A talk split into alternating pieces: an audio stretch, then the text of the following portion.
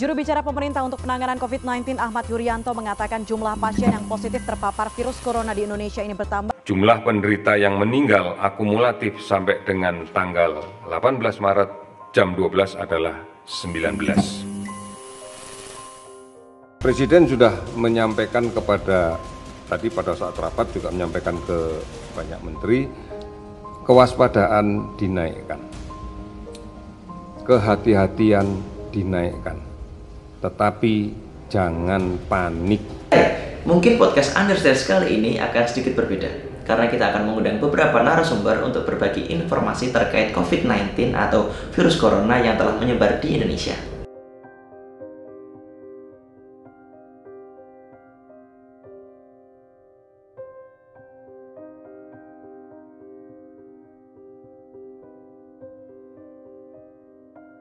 Menindaklanjuti berita-berita yang ada di media, kasus COVID-19 atau virus corona lama-kelamaan meningkat secara signifikan.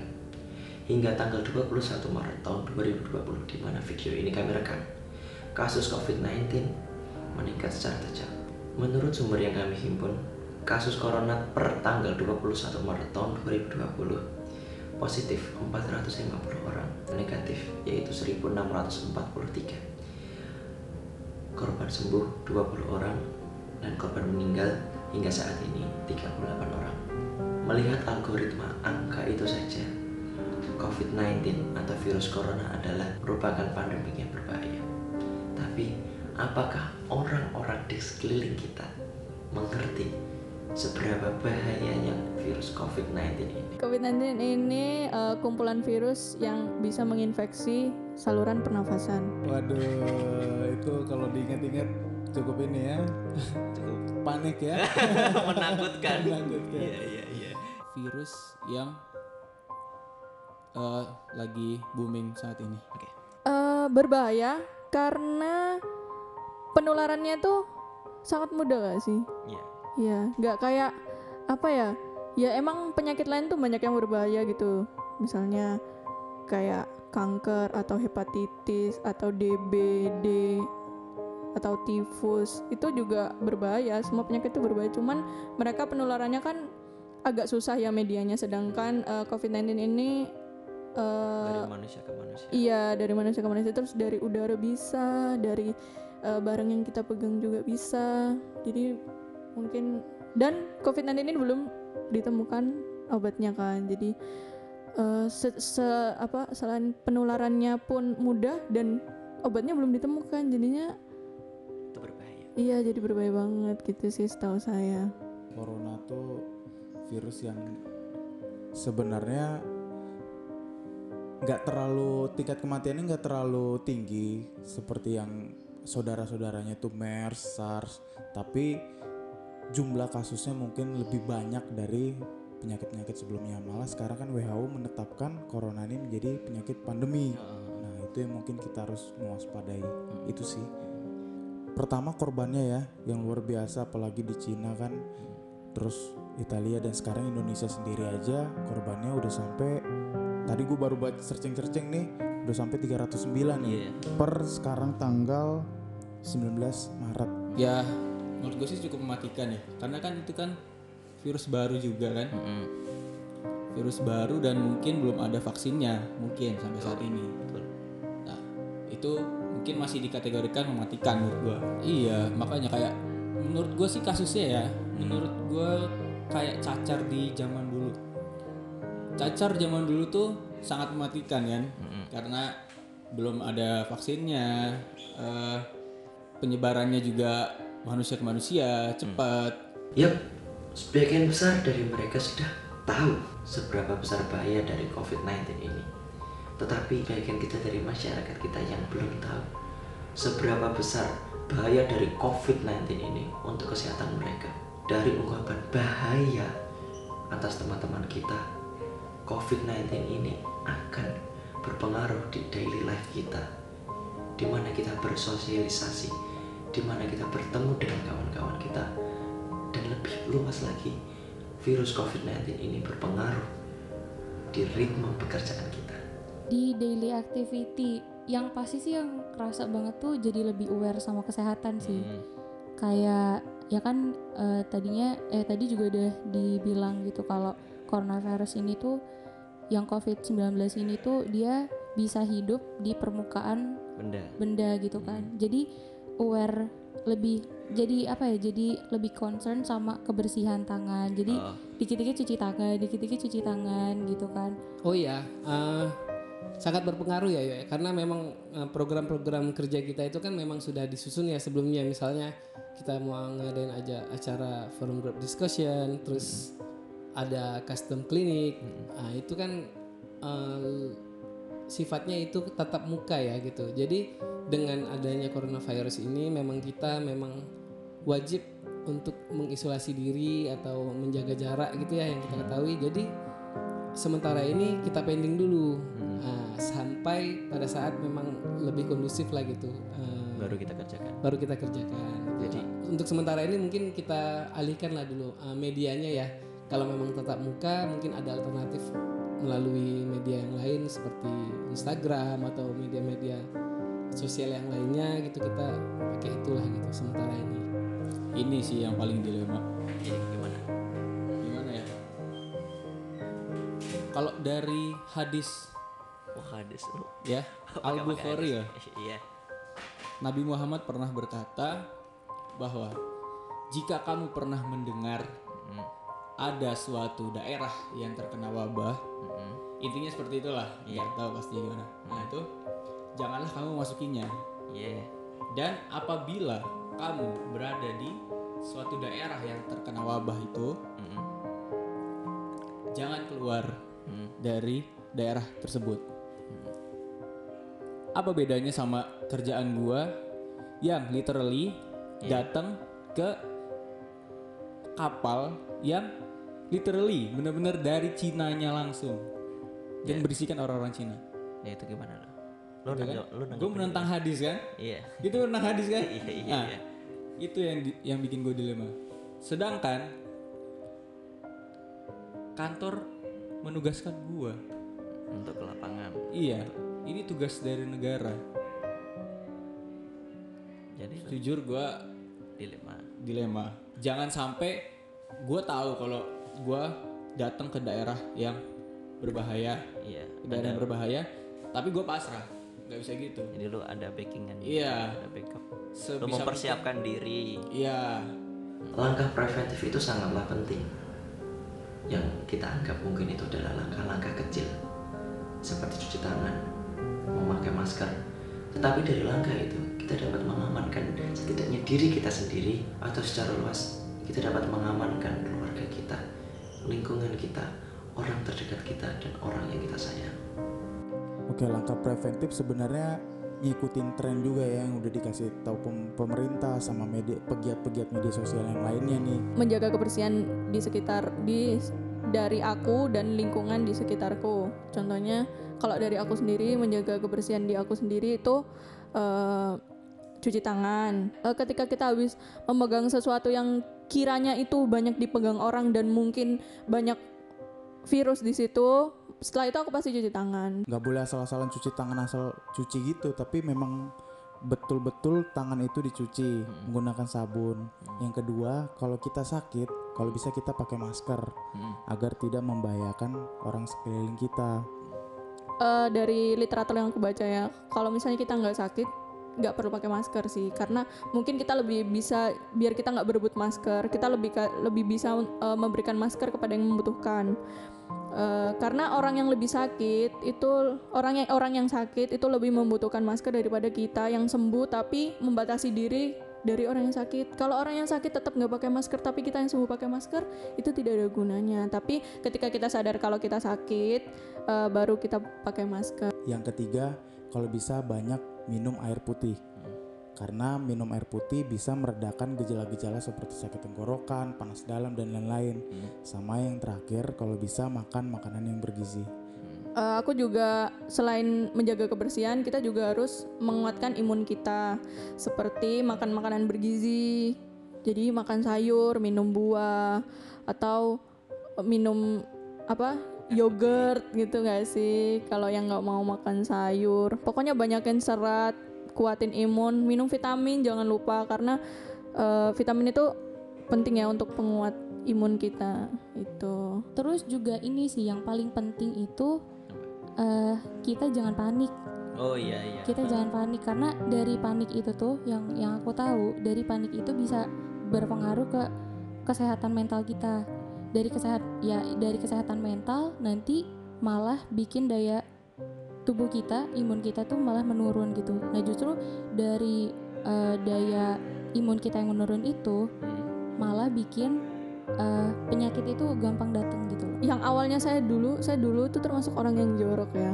Jadi saya tuh suka apa abis ke mana-mana, abis nyetir motor, abis buka pintu, abis apa langsung makan. Nah itu kayaknya sekarang tuh saya jauh lebih baik gitu. Sehari tuh saya bisa cuci tangan tujuh kali sampai tangan saya kering. Mau makan cuci tangan. Nyampe kantor abis nyetir cuci tangan. Mau pegang HP cuci tangan. Bahkan cash saya sekarang sudah saya cuci setiap hari. serius serius sumpah. Eh, jujur sih kalau pola makan sendiri itu nggak ba- nggak bagus gitu kan. Jadi sekarang lebih banyak eh, konsumsi makanan yang bergizi gitu-gitu. Jadi ya lebih aware juga gitu kan. Tak usah jauh-jauh kita berbicara tentang lockdown. Social distancing merupakan cara ampuh kita untuk menjaga diri kita maupun menjaga masyarakat dari tersebarnya virus COVID-19 atau virus corona ini. Mungkin social distancing memang berbeda dari hakikat kita, hakikat masyarakat Indonesia untuk bersosialisasi. Tetapi itu merupakan cara ampuh di mana kita menjaga diri kita maupun menjaga masyarakat di sekeliling kita. Bagaimana kita melakukan social distancing? Di satu sisi kita juga harus melakukan pekerjaan yang bersinggungan dengan orang luar. Yang ramai Menurut lo banget di rumah aja itu Iya. kan. Ini aku jabarin sesuai ini ya apa pengetahuanku aja. Social distancing itu itu suatu usaha mengkarantina diri. Social distancing ya bagus sih. Karena eh, itu kan artinya kita membatasi interaksi kita dengan eh, masyarakat, ya lingkungan gitu kan. Yang eh, lingkungan itu tuh potensi untuk penyebaran virusnya itu ya tinggi gitu kan. Karena kita tahu karakteristik uh, penularan dari virus corona ini itu biasanya kan dengan bersentuhan atau ada percikan-percikan mungkin dari uh, bersin, batuk. Nah, itu kan uh, dia menyebarnya lewat itu gitu. Uh, jadi kita berusaha untuk menjaga jarak antara kita dan orang lain karena kita nggak tahu uh, dia ini terinfeksi atau enggak. Memang coronavirus ini nggak bisa aja nggak kelihatan uh, masa inkubasinya itu. Jadi dia orang nggak merasa gitu bahwa dia ini sudah tertular. Di beberapa hari awal itu dia tidak me- tidak menunjukkan gejala-gejala tertentu Jadi menurutku social distancing itu eh, suatu hal yang kita lakukan untuk menjaga diri apa ya memberikan jarak antara kita dengan orang lain. Eh, tujuan social distancing ini itu untuk mengurangi eh, mengurangi apa sih tersebarnya virus lebih banyak gitu. Jadi ketika kita kita kan nggak tahu ya kita itu misalnya kita tuh nggak tahu kita lagi sakit kita kena corona atau enggak, kita kena virus itu atau enggak gitu. Jadi ketika kita menjaga jarak dengan orang lain, secara gak langsung itu kita em, apa ya me- memperlambat atau bahkan menghentikan menghentikan penyebaran virus itu yang yang awalnya cepat jadinya ketika kita menjaga jarak itu mungkin akan memperlambat atau mungkin tidak menularkan sama sekali karena kita nggak sadar secara nggak langsung kita nggak sadar eh, bisa jadi kita yang sakit atau bisa jadi orang tersebut yang ada di dekat kita itu dia yang sakit gitu. Apa ya mengurangi dampak corona ini biar nggak cepet-cepet banget gitu. Itu itu bagus sih karena ya apa namanya dari dari kita sendiri itu bisa bisa jaga diri kita dari penyebaran virus itu. Terus ya amit-amitnya nih ya kalau misalkan kita terpapar itu kita nggak ikut memaparkan virus yang kita punya ke orang lain gitu Ini sebenarnya eh, menjadi suatu tantangan juga nih bagi kita sebagai punggawa keuangan negara khususnya bea cukai karena kita salah satu instansi yang memang tidak work from home dan nah paling salah satunya adalah kita harus mentaati SOP yang berlaku. Pertama kalau kita di lapangan kita harus tahu SOP-nya apa. Seperti memakai masker, memakai sarung tangan dan segala macam. Kalau misalnya kita juga di pelayanan, nah kita tidak boleh berjabat tangan atau menjaga jarak. Ya intinya kita meminimalisir virus itu berpindah dari orang ke orang. Seperti itu sih, yo. Wahai kawan-kawanku, mari kita edukasi masyarakat. Mari kita sebarkan informasi terkait corona atau COVID-19 ini yang benar terhadap masyarakat. Supaya kita bisa menjaga diri kita sendiri atau menjaga lingkungan kita. itu yang paling susah sih itu menurutku itu PR PR eh, pemerintah dan kita semua Cia. Kalau aku ya menurutku cara mengeduket Sebenarnya kita harus tahu dulu kar- karakteristik uh, bagaimana penularannya, bagaimana bahayanya, uh, lalu bagaimana untuk meminimalisir penularannya. Itu yang penting. jadi eh, yang pasti tuh ini ya masyarakatnya sendiri tuh menurutku harus eh, ini dia harus mencari tahu. Mencari tahu apa sih itu corona coronavirus itu? Ya maksudnya eh, COVID-19 itu apa gitu kan? Langkah-langkah untuk mencegah eh, terpaparnya kita kita terpapar dari coronavirus ini itu apa gitu yang pasti adalah literasi masyarakat. Jadi masyarakat harus tahu dulu nih bagaimana karakteristik penyebaran atau eh, bahayanya dulu, terus bagaimana cara penularannya. Itu yang memang harus kita eh, tekankan gitu. Kita terus menyampaikan satu sama lain. Lalu preventif tindakan preventif apa untuk menghindari penularannya? Itu terus terus dari media sosial, dari saling mengingatkan satu sama lain, misalnya kita ngobrol-ngobrol sama teman nih gitu satu sama oh ya kita jaga jarak ya atau kita ini dong eh, cuci tangan jangan lupa ya. Kita terus menyuarakan itu. Mudah-mudahan eh, dengan cara itu bisa tersampaikan gitu pesan-pesan dan masyarakat mengerti tentang pentingnya bagaimana yang harus dilakukan eh, menghadapi kondisi sekarang ini. ya. gitu. Hmm. karena menurutku eh, ya itu kan contohnya pemerintah udah mengeluarkan eh, untuk work from home. Di mana eh, yang asalnya dari 14 hari itu dinaikin lagi kan. Jadi sekitar 95 hari nggak sih kalau nggak salah? iya sampai Mei itu kan. Itu harus dimanfaatkan dengan baik gitu. Kalau aku mengeduket orang lain ya mungkin aku akan mem- memanfaatkan dengan maksimal ini sosial media. Misalnya aku akan memberikan informasi kepada orang kepada followers followersku tindakan apa sih yang harus dilakukan ketika virus kor ada virus corona ini gimana cara kita menjaga menguatkan imun kayak gitu-gitu. Nah menurutku juga eh, sebenarnya itu dari diri sendiri ya. Ketika ketika kita kita sama-sama awam, kita sama-sama nggak tahu tentang virus ini ya. Menurutku ya yang harus kita lakukan ya banyak-banyak baca gitu, Eh, mempelajari kasus-kasus virus corona di luar negeri karena kan Indonesia bukan negara pertama yang kena virus corona. Sebenarnya ini ud- maksudnya nggak parah banget gitu karena bukan Indonesia negara pertama. Jadi kita bisa belajar dari negara-negara lain yang sudah terdampak corona dan mereka bisa mengatasinya dengan cara apa. Mungkin kita bisa meniru cara itu. Nah, buat teman-teman, salah satu yang bisa kita lakukan nih sebagai eh, orang-orang yang sedikit lebih tahu tentang apa itu virus corona, mungkin kita bisa bantu dengan menyebarkan melalui sosial media kita. Nah, karena kan sekarang social distancing, jadi jangan eh, bersinggungan dengan orang dulu. Nah, kita bisa menggunakan gadget kita untuk menyebarkan pengetahuan-pengetahuan dan jangan menyebarkan hoax. Nah, itu penting. Jangan menyebarkan hoax, sebarkan berita-berita atau link-link yang memang eh, sudah eh, terkonfirmasi kebenarannya. harus tetap update lah jangan jangan juga kemakan ini broadcast broadcast WA itu yang apa source-nya nggak jelas gitu loh kalau bisa disaring gitu terus orang-orang yang eh, tangannya gatel orang-orang yang tangannya gatel dikit-dikit share dikit-dikit share dikit-dikit share. Kurangin lah kalau bisa kurangin jujur kurangin. Karena kalian kalau misalnya nggak tahu source-nya dari mana, apakah itu benar apakah tidak, itu jujur bisa menyesatkan orang, malah membuat eh, panik orang juga.